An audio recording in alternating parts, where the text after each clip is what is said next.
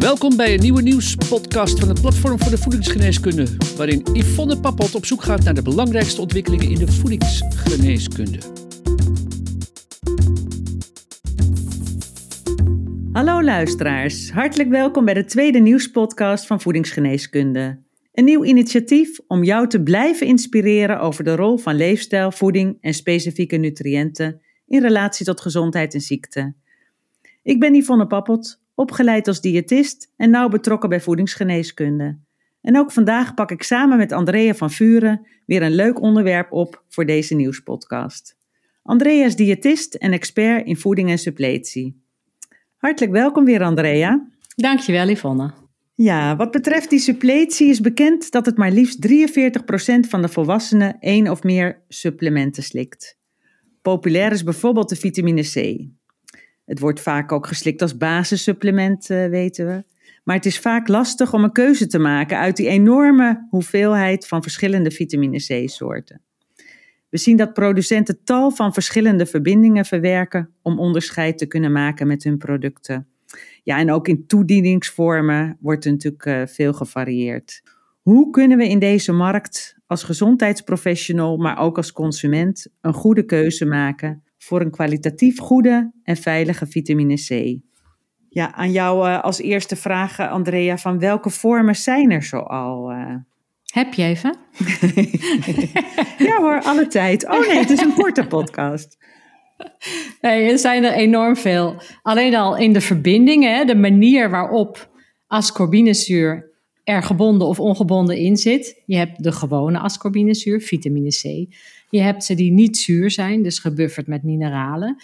Je hebt ascorbielpalmitaat, dat maakt de vitamine C ook nog eens in vet oplosbaar. Je hebt vitamine C met vertraagde afgifte, oftewel sustained release, zie je dan op de verpakking staan, SR. Je hebt verschillende toedieningsvormen, bruistabletten, capsules, poeders. Je hebt ze met toevoegingen zoals bioflavonoïden of andere antioxidanten. Te veel om op te noemen. Ja, wat kunnen we daarmee, is dan de vraag.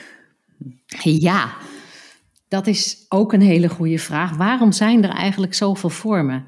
Nou, dat kan zijn omdat mensen last krijgen van maag en darmen als ze grote hoeveelheden vitamine C krijgen. Dus daarvoor heb je de gebufferde vormen. Dat is een mildere vorm, die is dus niet zuur. Gebufferd zegt het al. Um, fabrikanten willen graag de opneembaarheid verhogen. Vitamine C is heel instabiel. De opname wordt beperkt in de darm bij een zekere hoeveelheid. De uitscheiding wordt verhoogd. Als je op een gegeven moment een bepaalde hoeveelheid in je bloed hebt, dan ga je nieren werken. Dus fabrikanten willen dat natuurlijk allemaal veel effectiever maken. Ja, die opneembaarheid is natuurlijk een onderwerp waar nog heel veel meer over te zeggen is. Daarvan zeg ik, dat doen we in een volgende podcast nog wat uitgebreider. Maar goed dat je het noemt natuurlijk, want het is heel belangrijk. Maar dat diepen we later nog uit. Dat klopt. En uh, daar is de, deze podcast te kort voor. Um, fabrikanten willen bijvoorbeeld ervoor zorgen dat die vitamine C komt waar die zijn moet. En dat is vaak in de celwand en die is vettig. Dus ze willen het wat beter in vet oplosbaar maken. Ze kapselen het in, in bijvoorbeeld um, liposomen noem je dat, of bepaalde onverteerbare koolhydraten, om het trager te laten opnemen, waardoor je er meer aan hebt, het geleidelijk in het bloed komt. Dus er zijn allerlei manieren en onder andere verschillende verbindingen nodig om de vitamine C effectiever te maken. En vandaar dat je zoveel soorten hebt. Er wordt vaak wel gezegd ook dat vitamine C natuurlijk is. Uh, daar is ook veel discussie over. Wat, uh, wat, wat wil jij daarover met ons delen? Ja, dat is toch ook een beetje een kwestie van terminologie. Wat is natuurlijk? Voor mij is natuurlijk als de vitamine C die in mijn tabletje zit rechtstreeks uit de sinaasappel komt. Of uit de acerola kers komt. Ja. Er zijn producten die die natuurlijke vitamine C bevatten. En dan heb je het over natuurlijke vitamine C. Alleen het is heel erg duur. En als je hele hoge doseringen wil hebben, ja, je gaat toch niet geloven dat er 4000 sinaasappels worden uitgeperst om uh, een potje vitamine C te maken.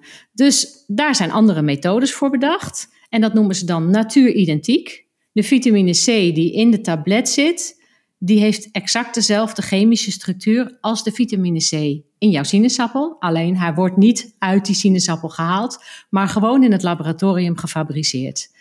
En alle vitamine C's die meer dan enkele honderden, honderden milligram vitamine C per doseereenheid bevatten, zijn op die manier gemaakt. Dus dat noemen we niet natuurlijk, maar natuuridentiek. Oké, nou daar heb je ons in ieder geval al wegwijs gemaakt in wat voor vormen er zijn en uh, het verschil tussen natuurlijk en natuuridentiek en waarvoor je het kunt gebruiken. Maar goed, dan staan we voor dat schap. Hè? Wat zijn eigenlijk dan nog meer factoren die belangrijk zijn als we het hebben over de kwaliteit van, uh, van het product? Dat is een hele uitdaging, maar je kunt natuurlijk beginnen met het etiket. Je kunt de hoeveelheden vergelijken. Hoeveel vitamine C zit er nou eigenlijk in? En hoeveel wil ik nemen? Wat daarna gelijk ter sprake komt, ja, zit het er echt wel in wat erop staat? En dan heb je te maken met de betrouwbaarheid van een aanbieder. We weten dat vitamine C heel gevoelig is voor licht, voor zuurstof, breekt dus ook snel af in het potje. Dus als jij een potje koopt en het staat een jaartje in je kast, dan is het nog maar de vraag of er na een jaar nog in zit wat erop staat. Maar dat hoort wel zo te zijn aan het einde van de houdbaarheidsperiode. Dus wat moet die fabrikant doen? Die moet er meer in stoppen dan erop staat, om er aan het eind van de houdbaarheidsdatum nog voldoende in te hebben zitten. En dat kun je dus van de buitenkant niet zien. En dat heeft echt met kwaliteit te maken, denk ik. En verder heb je natuurlijk te maken met hulpstoffen. Ben je allergisch voor bepaalde stoffen, dan is het lezen van het etiket ook heel belangrijk. Zit er bijvoorbeeld lactose in waar je niet tegen kan? Zit er gist in waar je misschien niet tegen kan? Wil je geen suiker hebben? Dat zijn allemaal dingen waar je, waar je ook naar kan kijken als je het product uh, gaat kopen. Ja, en dan is er natuurlijk ook nog de dosering. Ja, vooral hoe wordt het eigenlijk opgenomen en uitgescheiden? Want je kunt wel een, een bepaalde hoeveelheid nemen, maar als het lichaam het meteen weer uit, uh, eruit werkt via de urine, heb je er niet zoveel aan. Dus het is wel belangrijk om daarmee rekening te houden, omdat bij een bepaald niveau in het bloed het lichaam die vitamine C er weer uit gaat werken. En dat is eigenlijk zonde van je dure vitamine C. Dus als je optimaal wil profiteren van de vitamine C die je per keer inneemt, zou je 200 tot 400 milligram maximaal in één keer moeten nemen om optimaal gebruik te kunnen maken van je vitamine C en om te voorkomen dat alles weer in de wc verdwijnt. Dus 200 tot 400 milligram per keer is eigenlijk dan de beste dosering. En afhankelijk van je toestand ga je dat meerdere keren doen. Als je bijvoorbeeld uh, onder een infectie lijdt, dan zie je dat de vitamine C in je bloed veel sneller terugloopt. Dus dat je meer kan geven om die plateauwaarde te handhaven. Dus dat speelt daarbij wel uh, ook een hele belangrijke rol bij, uh, bij de dosering die je, die je kiest. Ja, met een goede ja. verdeling over de dag bij de wat hogere ja, dosering. En dat is ook de reden waarom veel fabrikanten proberen die opname in de darm te vertragen, zodat het geleidelijk aan in je bloed komt. Dus dat je wel bijvoorbeeld die 1000 milligram in één keer kan nemen, maar dat dat geleidelijk aan afgegeven wordt. Dus vandaar die naam vertraagde afgifte. Is daar ook onderbouwing voor? Daar gaan we het de volgende keer over hebben. Heel goed, heel goed. En uh, slik je zelf vitamine C, uh, Andrea? Ja, ik slik zelf vitamine C, maar dat zit in mijn multi. Op dit moment ben ik gezond. Dus ik vind zo'n 200 milligram per dag helemaal prima. En dat zit gewoon in mijn multi. Nou, dan weet ik dat ik er ook optimaal gebruik van maak. Veiligheid vind ik nog wel even een belangrijk onderwerp om uh, ter sprake te brengen. Hoe zit dat bij vitamine C? Het is heel veilig. Zelfs de Europese Food and Safety Authority, zeg maar de Voedsel- en Warenautoriteit van Europa, ja. die heeft ook de EFSA die heeft gesteld dat vitamine C een hele lage toxiciteit heeft en heeft daardoor ook geen veilige bovengrens gesteld. Het is wel zo uh, dat de darm, naarmate je meer geeft, minder op gaat nemen. Dat is een soort regelmechanisme van het lichaam. Dus kom je boven de 2, 3 milligram, dat is een beetje individueel bepaald, dan kan je last krijgen van je darmen, want dan gaat het lichaam het niet meer opnemen en dan kun je Bedoel diarree je krijgen.